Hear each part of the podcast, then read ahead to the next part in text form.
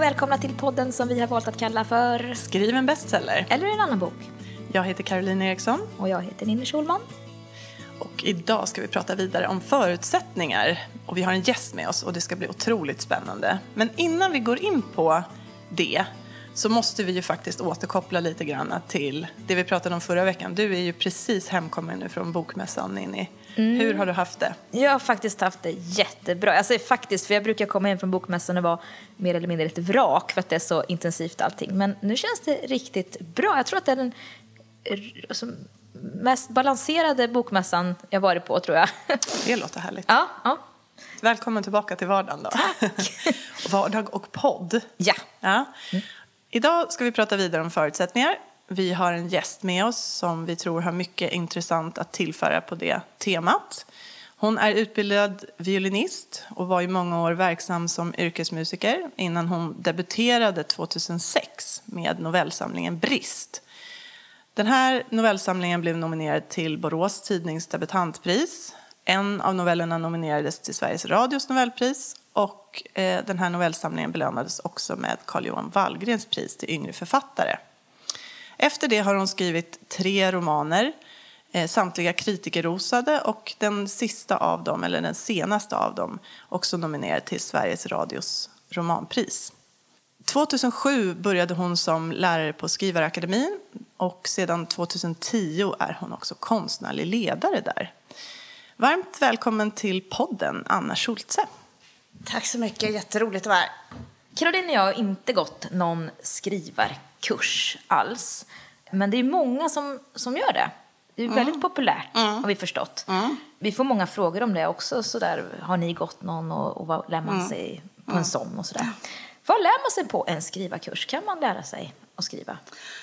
Eh, ja, hur ska man säga? Vad, det- vad det då är att kunna skriva, det är ju en eh, fråga i sig själv. Men det man kan säga är att det alla definitivt kan göra är att utveckla sin skri sitt skrivande. Att jag har hittills aldrig varit med om en elev eller studerande som inte har utvecklats. Det är som att det är teoretiskt omöjligt att inte bli bättre. Sen är det ju så här att, att man, man höjer ju sina chanser, därigenom höjer man ju sina chanser att bli debuterad, bli antagen av ett traditionellt förlag eller också lyckas som egenutgivare ganska väsentligt genom de, de eh, skrivarerfarenheter man får. Eh, men eh, naturligtvis så är det ju inte så att alla som går en skrivarkurs gör det för att de vill eh, nödvändigtvis debutera med en bok, utan man kan ju också säga att skrivande är ett, en metod för tänkande. Att man blir helt enkelt lite smartare när man skriver. Man kan känna sig helt dum i huvudet och så börjar man skriva lite, lite grann. Då blir man plötsligt smart. Så att man kan ju använda skrivandet som en metod i sitt eget liv och som en metod för växande och eh, man kan ha det till en, en massa saker. Att varje, varje enskild individs ingång är ju unik. En del kanske vill skriva en släktberättelse för barn och barnbarn. Och, och då är det målet att bara trycka upp i några ex och dela ut på julafton. Och det kan ju vara ett fantastiskt mål att ha i sig och som kan ge jätte, jättemycket tillbaka till, till andra. Just det, det här har vi också varit inne på, att man faktiskt kan eh, ha olika syften med sitt skrivande, vilja olika saker. Jag tänkte också på, ehm, jag läste om någon, en, en skrivlärare som menade på att eh, vi, eh, man kan inte lära sig, man, ingen kan lära ut skrivande, att det är inte det som skrivarkurser handlar om, utan eh, hen menade på att skrivarkurser framförallt handlar om att lära sig att läsa, alltså att läsa på riktigt och att då i förlängningen förhoppningsvis utveckla sitt skrivande. Vad, vad säger du om det? Jag instämmer helt i det. Att det man framförallt kan lära ut är en förmåga att läsa sina egna texter. Och det lättaste sättet att bli bra på att läsa sina egna texter är faktiskt att läsa andras texter och att läsa texter som inte är färdiga. Och att hitta saker så här, vad säger jag till den här kurskamraten nu som kan lyfta den här texten? Och eh, Klimatet på en skrivarkurs är ju, är ju oftast oerhört varmt, oerhört välvilligt. Alla, alla är där av samma skäl, alla vill lyfta varandra, alla vill hjälpa varandra, alla behöver varandra. Och därigenom får man ett samtal som gör att insiktsnivån höjs hela tiden för deltagarna. Och så småningom börjar man ju då, eller ganska snart, se att ja men titta, jag gör ju inte heller det här. Det är ju precis det här som fattas i min text. Precis det här jag sa till Kalle nu. Och eh, då, då lyfts liksom självmedvetenheten om vad det är man gör och vad det är som faktiskt kommer på pappret. Så det är inte bara feedback på sin egen text som Nej. lyfter ens eget skrivande utan det är det Ja, samtal som uppstår. Det är samtalet, skulle jag säga. Sen ibland så finns det ju vissa saker som man kan ta jättebasala så här, skrivtips, till exempel att om en person det kan vara bra att berätta vilka, att en person är med i rummet innan den säger en replik, till exempel. Mm, det är bra. Ja, och det kan ju alla sitta och försöka komma på själva och skicka in manus och så vidare. Eller så kan ju läraren helt enkelt bara berätta det. Så sparar man ju ganska mycket tid. Om man tänker alla sådana där små falluckor som folk missar, tenderar att missa i början, så kan ju läraren helt enkelt bara säga Det det. är bra att tänka på det. Finns det några andra sådana här snabba tips som du kan ge på Vanliga amatör- falluckor ja. just. Vanliga falluckor. Alltså det, jag skulle säga klichén är väl en av de vanligaste falluckorna. Och den klichén, att man hemfaller åt klichéer och klichéartade bilder, det handlar ju egentligen alltid om att ens eget självförtroende inte har växt klart. Så att man tänker att, nej men, jag, eh, jag tror på att man inte ens tänker, jag tror att det sker helt omedvetet att det är nog, li- eh, hur ska jag beskriva den här personen? Oj, oj, oj. Eh, Jag tar blixtrande vitt leende. Det tycker jag låter bra. Och så tänker man inte på att det här är helt sönderanvänt. Det går inte att använda det längre. Det är kört för blixtrande vitt leende. Det har gjort sitt. det har gjort sitt. Och att, att hela tiden försöka tänka så här, men är det här nytt? Liksom? Är det, finns det en fräschör i den här skrivningen? Det skulle jag säga är jättevanligt. Sen en annan grej, just när folk kör fast och upplever att de kommer till kurser då och presenterar varför de är där, vi brukar ju prata lite om det. Och eh, så säger man, nej men jag har kört fast, det gick bra ett tag, jag hade världens flyt, jag var jätteinspirerad och sen bara så här, ah, tog det stopp. Då kan ju det, det handla om några olika saker. Det kan ofta handla om att karaktärerna är alldeles för underutvecklade. Att det egentligen är kvar på pappers klippdocke-nivån. Men de har inte fått något djup, de har inte fått något innehåll. De, författaren har inte tänkt klart vad är det den här karaktären ska göra för den här berättelsen. Eller vad, vad gör den för mig? Vad är den för mig? Det kan också vara att författaren har rivit av hela storyn på 30 sidor. Och egentligen är kurvan klar. för att den inte har, har vikt ut. Den, det handlar om dramaturgin. Där Det är en då. dramaturgifråga, precis. För det som är tricket i, om man fokuserar på skönlitterär prosa då, som ju är, är ett starkt fokus i, här, i den här podden, så handlar det ju någonstans om att man som skönlitterär författare måste vara sin egen teater. Att om man är till exempel dramatiker då kan man ju skriva ganska kortfattade scenanvisningar och eh, man skriver repliker och så vidare och bygger upp lite gester och så vidare. Men sen kommer ju ett helt gäng in, en scenograf bygger ju upp ett scenrum och en regissör kommer in och skådespelarna tillför jättemycket i hur de här replikerna ska sägas och hur de ska röra sig, hur deras minspel ska vara. Och det finns en ljussättare, det finns ljud omkring, rökmaskin ibland. Allt det här måste man som prosaist göra själv. Man måste lägga till alla de här sakerna för att texten ska bli levande. Och det där kommer ju många till kursen och är omedvetna om. För att de har en jättestark, tydlig, härlig bild i sitt eget huvud av, som är full av liv. Men den finns än så länge egentligen bara i huvudet. Och så står det några rader på ett papper som inte säger så mycket. Att det det handlar om är att transportera den här bilden inuti huvudet till pappret, via pappret till en annan människa där den här teaterföreställningen sätts upp i en annan persons huvud. Det är ju egentligen ganska magiskt att det går att flytta tankevärldar på det sättet.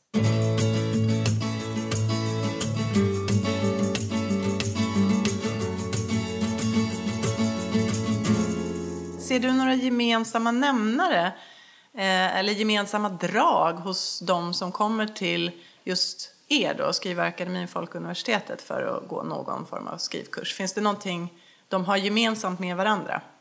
Nej, Det i är stort sett en inte. brokig skara. En väldigt brokig skara skulle jag säga. De, de kommer från öster och väster. Det är verkligen alla, alla sorter och alla åldrar. Sen så har vi väl kanske en kluns med, eh, som är 35 till 55 skulle jag säga på de öppna kurserna är ett, ett eh, åldersspann där många är. Men sen på våra heltidsutbildningar så är de ju 20-25 liksom, många.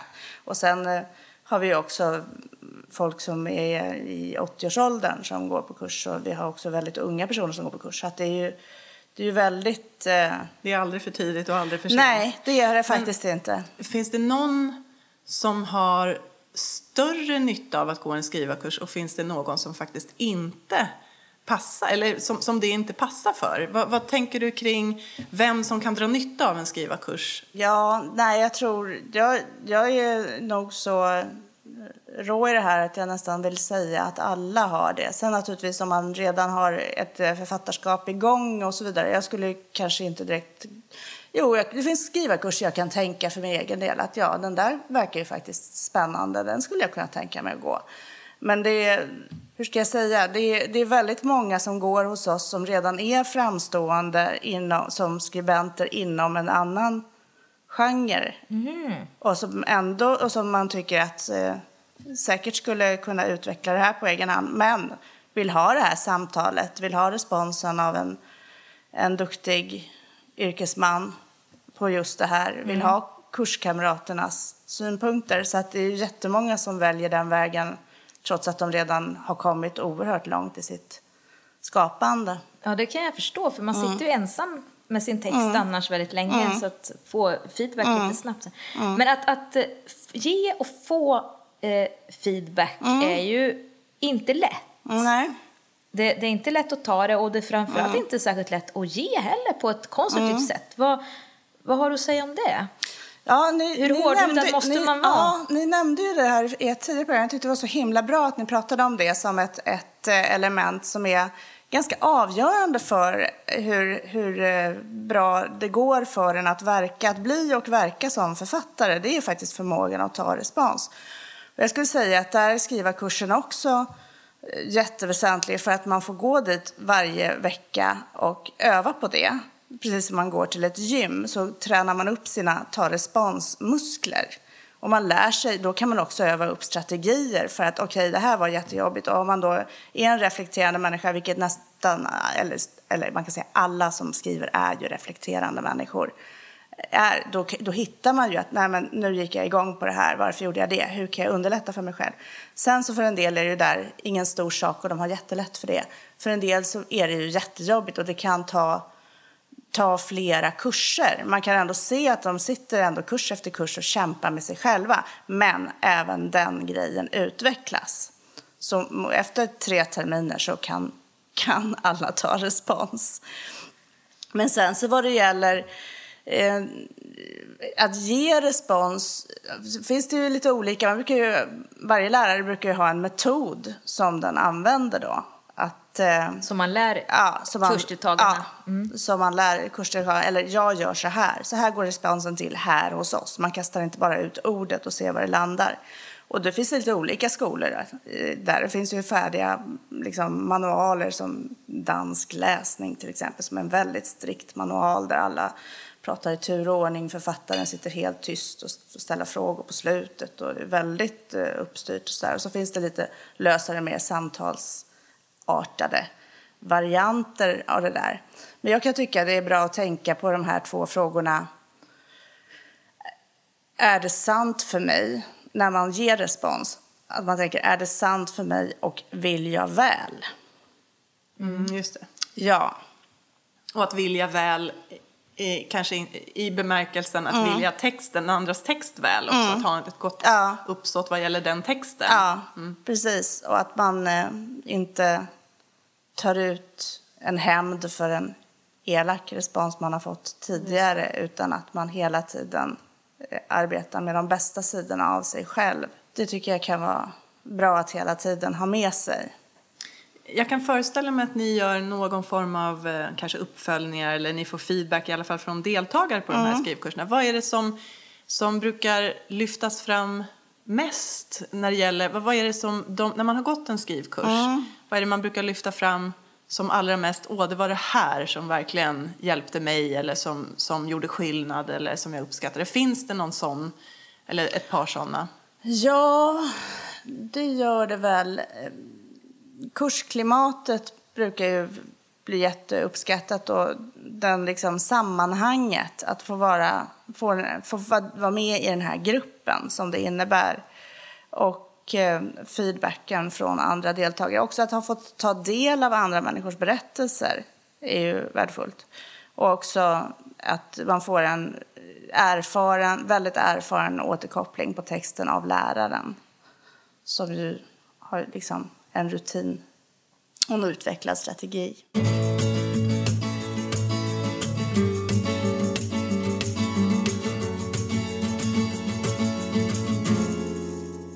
Ja, som sagt, Anna, du är ju eh, konstnärlig ledare på Skrivarakademin Folkuniversitetet och vi är jätteglada över att vi har ett samarbete med er. Eh, Ja, och kommer det att är ha vi det med. ja, under, under den här poddens resa. Och du är ju den första av fem gäster som kommer att dyka upp ifrån, ifrån er sida. Och eh, det ser vi jättemycket fram emot som sagt. Och sen har vi ju då vår vanliga sponsor. Hedlund Agency som är en litterär agentur som företräder nordiska författare i bok och filmvärlden. Och de arbetar framförallt med skönlitteratur för vuxna, både kommersiella och mer litterära romaner. Eh, den där rösten som sticker ut, det som är välskrivet och väcker nyfikenhet och ruskar om, det är vad Hedlunds går igång på. Och om du tror att du har ett manus som motsvarar de förväntningarna så är du välkommen att skicka det till Hedlund Agency och adressen hittar du på hemsidan. Tack Hedlund!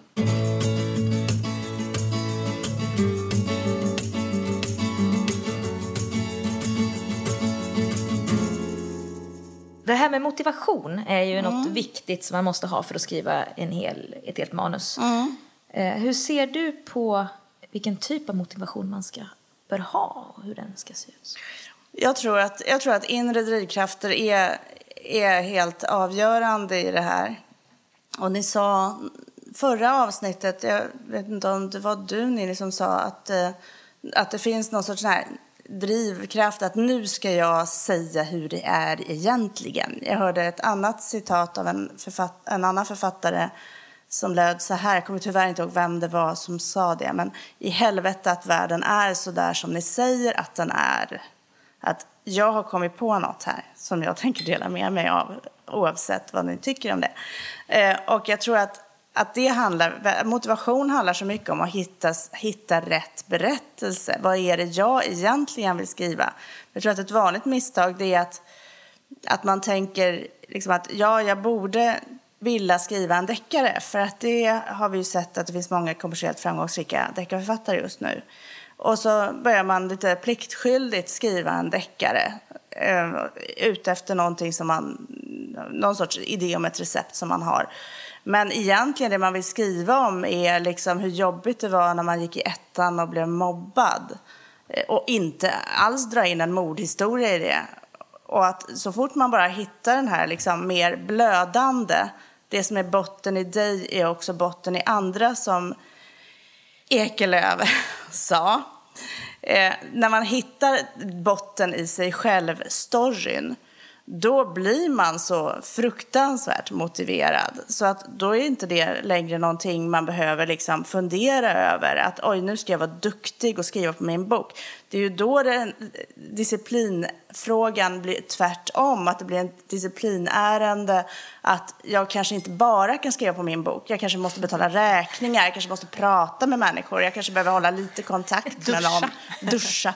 Eh, borsta tänderna. Alltså att det handlar egentligen om att hitta in i, i rätt berättelse.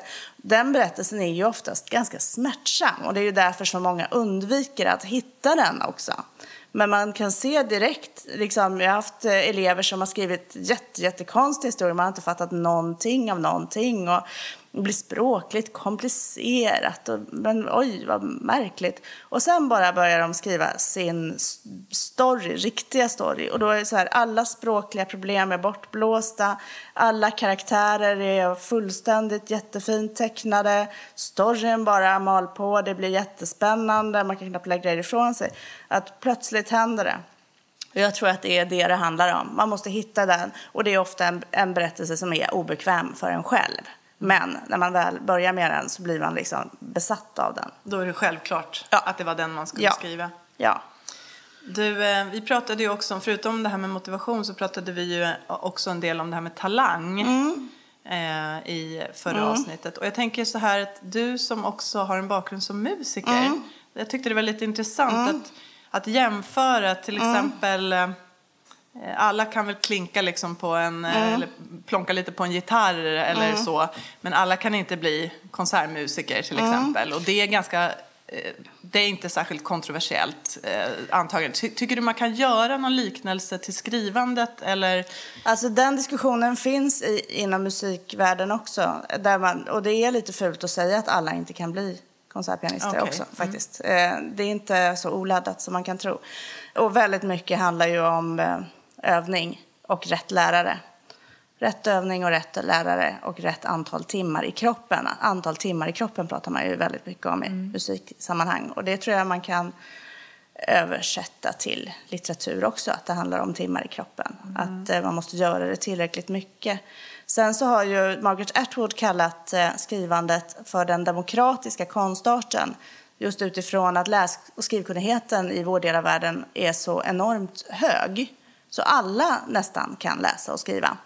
Och du kan börja med det när som helst. Och du behöver jättelite grejer. Det är inte som att du måste ha dansat sedan du var tre år. Eller du behöver inte ha jättespeciella silversmidesredskap som kostar jättemycket att köpa in. Utan du behöver bara ett pepper och en penna och så är det bara att köra igång. Och där kan man ju lura sig och tro att man inte behöver stå vid ballettbarren eller öva piano fast på skrivandet. Att man måste ju göra allt det där ändå. Jobbet ska göras ändå. Jobbet ska göras. Det är, det är lite en skenbar tillgänglighet. Men, jag tror, men jag tror att just om, om man får till förutsättningarna kring det, och så kan det handla om tid, utrymme, pengar, och eh, sen hittar rätt bok. Man kan väl säga att alla kanske på något plan kan bli författare, men alla kan inte skriva alla böcker. Man måste hitta, Hitta sin historia hitta, som sin, pratade om. hitta sin historia, hitta sin form också. Det tror jag är jätteviktigt. Sen så tror jag att det handlar om kanske en viss sorts, vad det gäller talang också, en viss sorts brist på självbevarelsedrift som kanske inte alla har. Hur menar du då? Man måste ju vara beredd att skriva den här såriga, jobbiga historien och att hänga ut, alltså även om man inte skriver självbiografiska texter utan allt är hittepå-namn och hittepå-miljöer. Det kan ju till och med vara liksom science fiction, så är det ju någonstans alltid ens egen såriga berättelse det på någon nivå är. Man måste ju vara beredd att göra det. Man måste ju ha lite man måste ju vara beredd att riskera ganska mycket. Och att, eh, man kommer inte att vara helt bekväm för alla. Och en del kommer kanske att ta avstånd ifrån en på grund av... Varje bok man skriver så tar man ju en risk av att faktiskt fjärma sig från människor också. Och man måste väl på något sätt eh, vara beredd att göra Kan man förbereda sig inför det på något sätt? Ja, jag tror att man kan förbereda sig genom att inte tränga bort det, utan att man tar in den tanken att nu skriver jag det här. Vi säger att jag har skrivit något som kan vara sårande för en släkting till mig. Och att den släktingen kommer att se att ja, nu menar ju hon mig. Och att inte bara vifta bort det, utan tänka igenom den tanken. Att ja, nu har jag gjort det här. Vill jag varför vill jag att det här ska vara med i boken? Jo, för att annars så blir det ju ingen bok, för att det är ju det här den handlar om. Sorry, liksom. Sedan försöka hålla en så pass bra dialog som möjligt med den, den som man misstänker och råkar illa ut. Försöka hålla dem, det, det samtalet öppet och att också vara beredd på att ta emot eh, den personens sårade känslor. Att eh, ja, jag förstår att, du, att det här blev jobbigt. Jag hoppas att du också kan se att den här personen har jättemycket fina egenskaper också. Som också är fram, eller vad det nu är det handlar om. Det är inte säkert att det är så enkelt att det är så. Men, men ändå att man, man, är, man gör sig beredd för att det kommer att inträffa tror jag är viktigt. Att varje bok är ett ställningstagande Ja. på något vis. Ja. Eh, även om det inte är helt och hållet självbiografiskt. Man använder sig själv och. Mm. känslor och erfarenheter och sådana Ja. Saker. Du, jag tänkte på, um, om man spinner vidare lite på det här med, med talang eller förmåga eller begåvning eller vad vi än väljer att kalla det. Upplever du att, eh, att det är vanligast att man underskattar sitt eget skrivande eller att man överskattar sitt eget skrivande? Förstår du hur jag menar? Att det är liksom det vanligaste en brist på självförtroende. Vi var inne på det lite grann. Man, man har inte tillräckligt med självförtroende. Är det vanligt eller är det också vanligt En att man har någon självöverskattning. form, ja, eller en bristande självinsikt. Alltså, Ja. Så, Ja. Att man överskattar eller att man underskattar. Finns det någon sån, kan du se skillnaden där? Eller att det finns både och? Eller vilket Jag tycker det finns både och. Men, men eh, att man... Eller på något sätt så är det som att de inte är helt skilda från varann heller. Att eh, en person kan ju ge uttryck för att, att eh, jag, och jag har så dåligt självförtroende, jag är jätterädd för att göra det här. Men sedan visar sig ha jätt, liksom, jättehöga förväntningar på vad just den här texten ska göra och att inte riktigt vara beredd på att arbeta om. Och då är det ju på något sätt Ja, det, är ju, det kan vara svårt att se vad som är vad där. Att, jag tror att även det som kan ta sig uttryck som att man slår sig för bröstet och gör sig stor egentligen kan vara en självförtroendesvacka. Så det kan vara lite svårt att genomskåda Mm, vad som är vad. vad som är vad. Jag tror att vi har ju alla både och i oss. Jag tror att det är nödvändigt att ha det båda sidorna om man ska vara författare. Att man faktiskt måste å ena sidan vara självkritisk, för annars skulle man ju aldrig förbättra en text. Då skulle man ju tycka att allt var toppen hela tiden. Då skulle man ju inte utveckla något. Så man måste ju vara självkritisk. Samtidigt så skulle man ju inte orka om man inte i, i, då och då tänkte att man är master of the universe. Man måste ju någonstans lite bestämma sig för att man är helt, helt osannolikt bra också. Vi pratade ju om det i förra avsnittet. Där. Hybris å ena Ja. sidan och så rent självhat på Ja, den andra. precis. Nej, men och där det- pendlade ja, lite hit och dit. Precis, så- så man måste hitta balansen i det där. Eh, Och jobb, jobba med det kontinuerligt. Men för mig var ju det vad det gäller gå och skriva kurs och eh, eh, självförtroende. Jag började ju faktiskt som elev på Skrivarakademin 03 eller vad det var. Okej, på ja, en som sommarkurs. Och jag kan ju säga att jag hade ju av självförtroende skäl aldrig kommit på idén att skriva en bok om jag inte hade gått en skrivarkurs. För jag hade liksom en sån, en, såna enormt magiska föreställningar om eh, hur författare var och den blixtrande intelligens alla författare gick omkring och hade. Och, och det var liksom helt revolutionerande för mig att inse att men vadå, jag kan, jag kan ju faktiskt också skriva, jag kan också börja med det här. För det, jag behöver inte ha det är liksom ingen magisk grej man får av Fantomen eller något sånt där. Utan, Jobba sig fram. Ja. Men hur kom du på att du skulle gå skrivarkursen då? Jo, det var för att jag hade ett sånt slitigt år. Eller det var så här fiolmässigt slitigt år. Och då så, mitt i det här så tänkte jag... Eller jag hade varit hemma med barn ganska länge, ganska mycket och skulle liksom tillbaka till min frilanstillvaro där. Och eh, höll på med det på olika sätt och det var ja, kämpigt. Då skulle jag göra något roligt så kom jag på att men jag har ju alltid tyckt, jag tyckt det varit så roligt att skriva och jag hade skrivit mycket i gymnasiet och skrivit även under musikhögskoletiden skrev jag mycket, skrev mycket lyrik och sådär. Så hade jag inte gjort det på ett tag så tänkte jag men gud det här vill jag göra.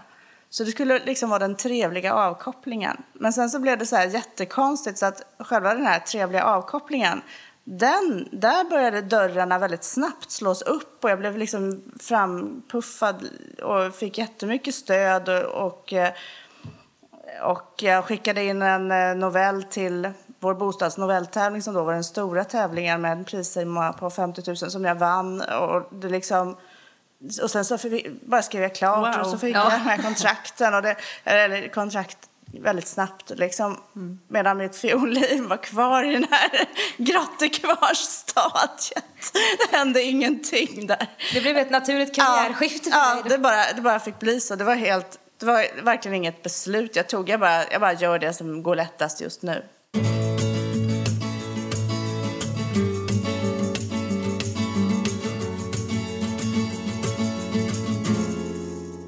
Nu till eh, sommaren här mm. så får du ta på dig författarhatten, i, mm. i alla fall mm. utåt. Mm. Eh, du har en eh, ny roman som mm. är på gång. Vill du berätta mm. lite om den? Det är en roman som ännu inte har en titel. Men den handlar om en släkttragedi som utspelade sig i min familj på 1930-talet. Ett kidnappningsdrama som jag har baserat på en väldigt stor mängd urkunder. Det är brev, dagböcker, tidningsartiklar, domstolsprotokoll, fotoalbum. Jag har fruktansvärt mycket papper som jag har eh, satt mig in i och byggt den här berättelsen utifrån.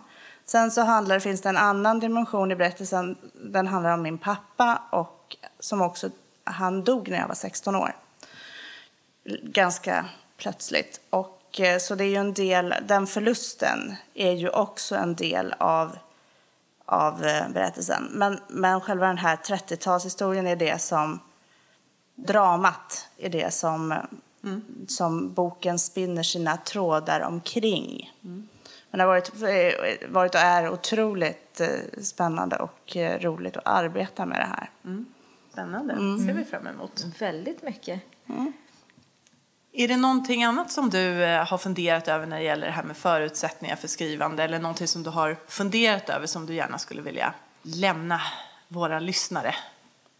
Alltså det man kanske egentligen kan säga som, som ändå gäller alla det är ju att ändå att orka, orka ge, igenom hela den här processen.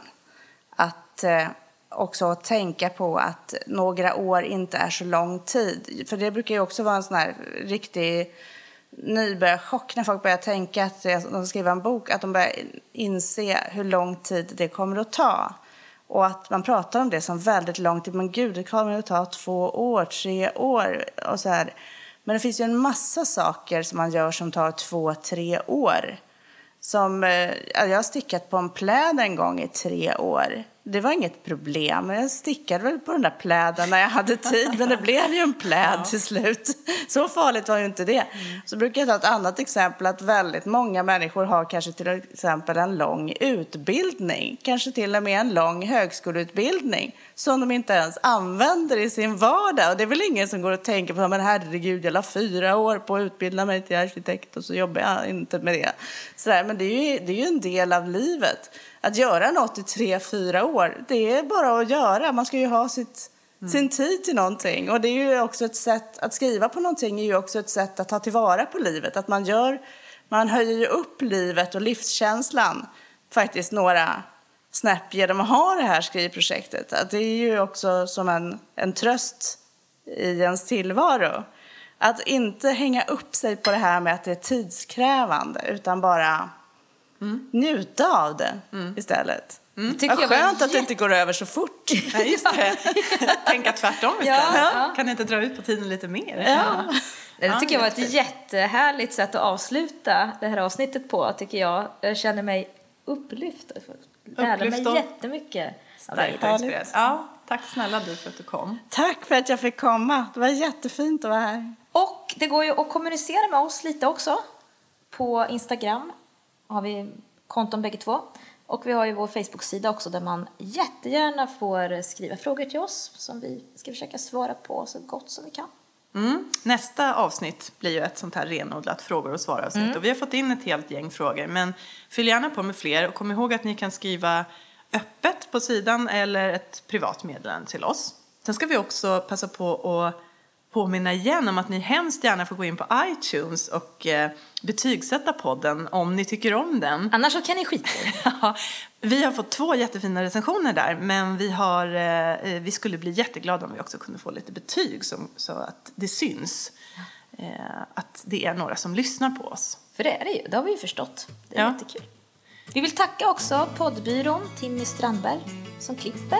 Mm, och så tackar vi Josh Woodward för att vi får låna den här fina eh, sången Learn to fly. Tack för idag. Tack för idag! A sticky summer's day in Shepherdstown. An eagle in a thermal is a circling round like a tire on a bike rolling down Columbus Street. Katie got a little look of hope in her eyes and her arms unfold and she looked to the skies and said, I'm gonna learn to fly around with you, yeah. She jumped up high and she fell to the ground and skinned her little knee and made a horrible sound. She got right up and she tried it again and smiling all the way with her unstoppable grin.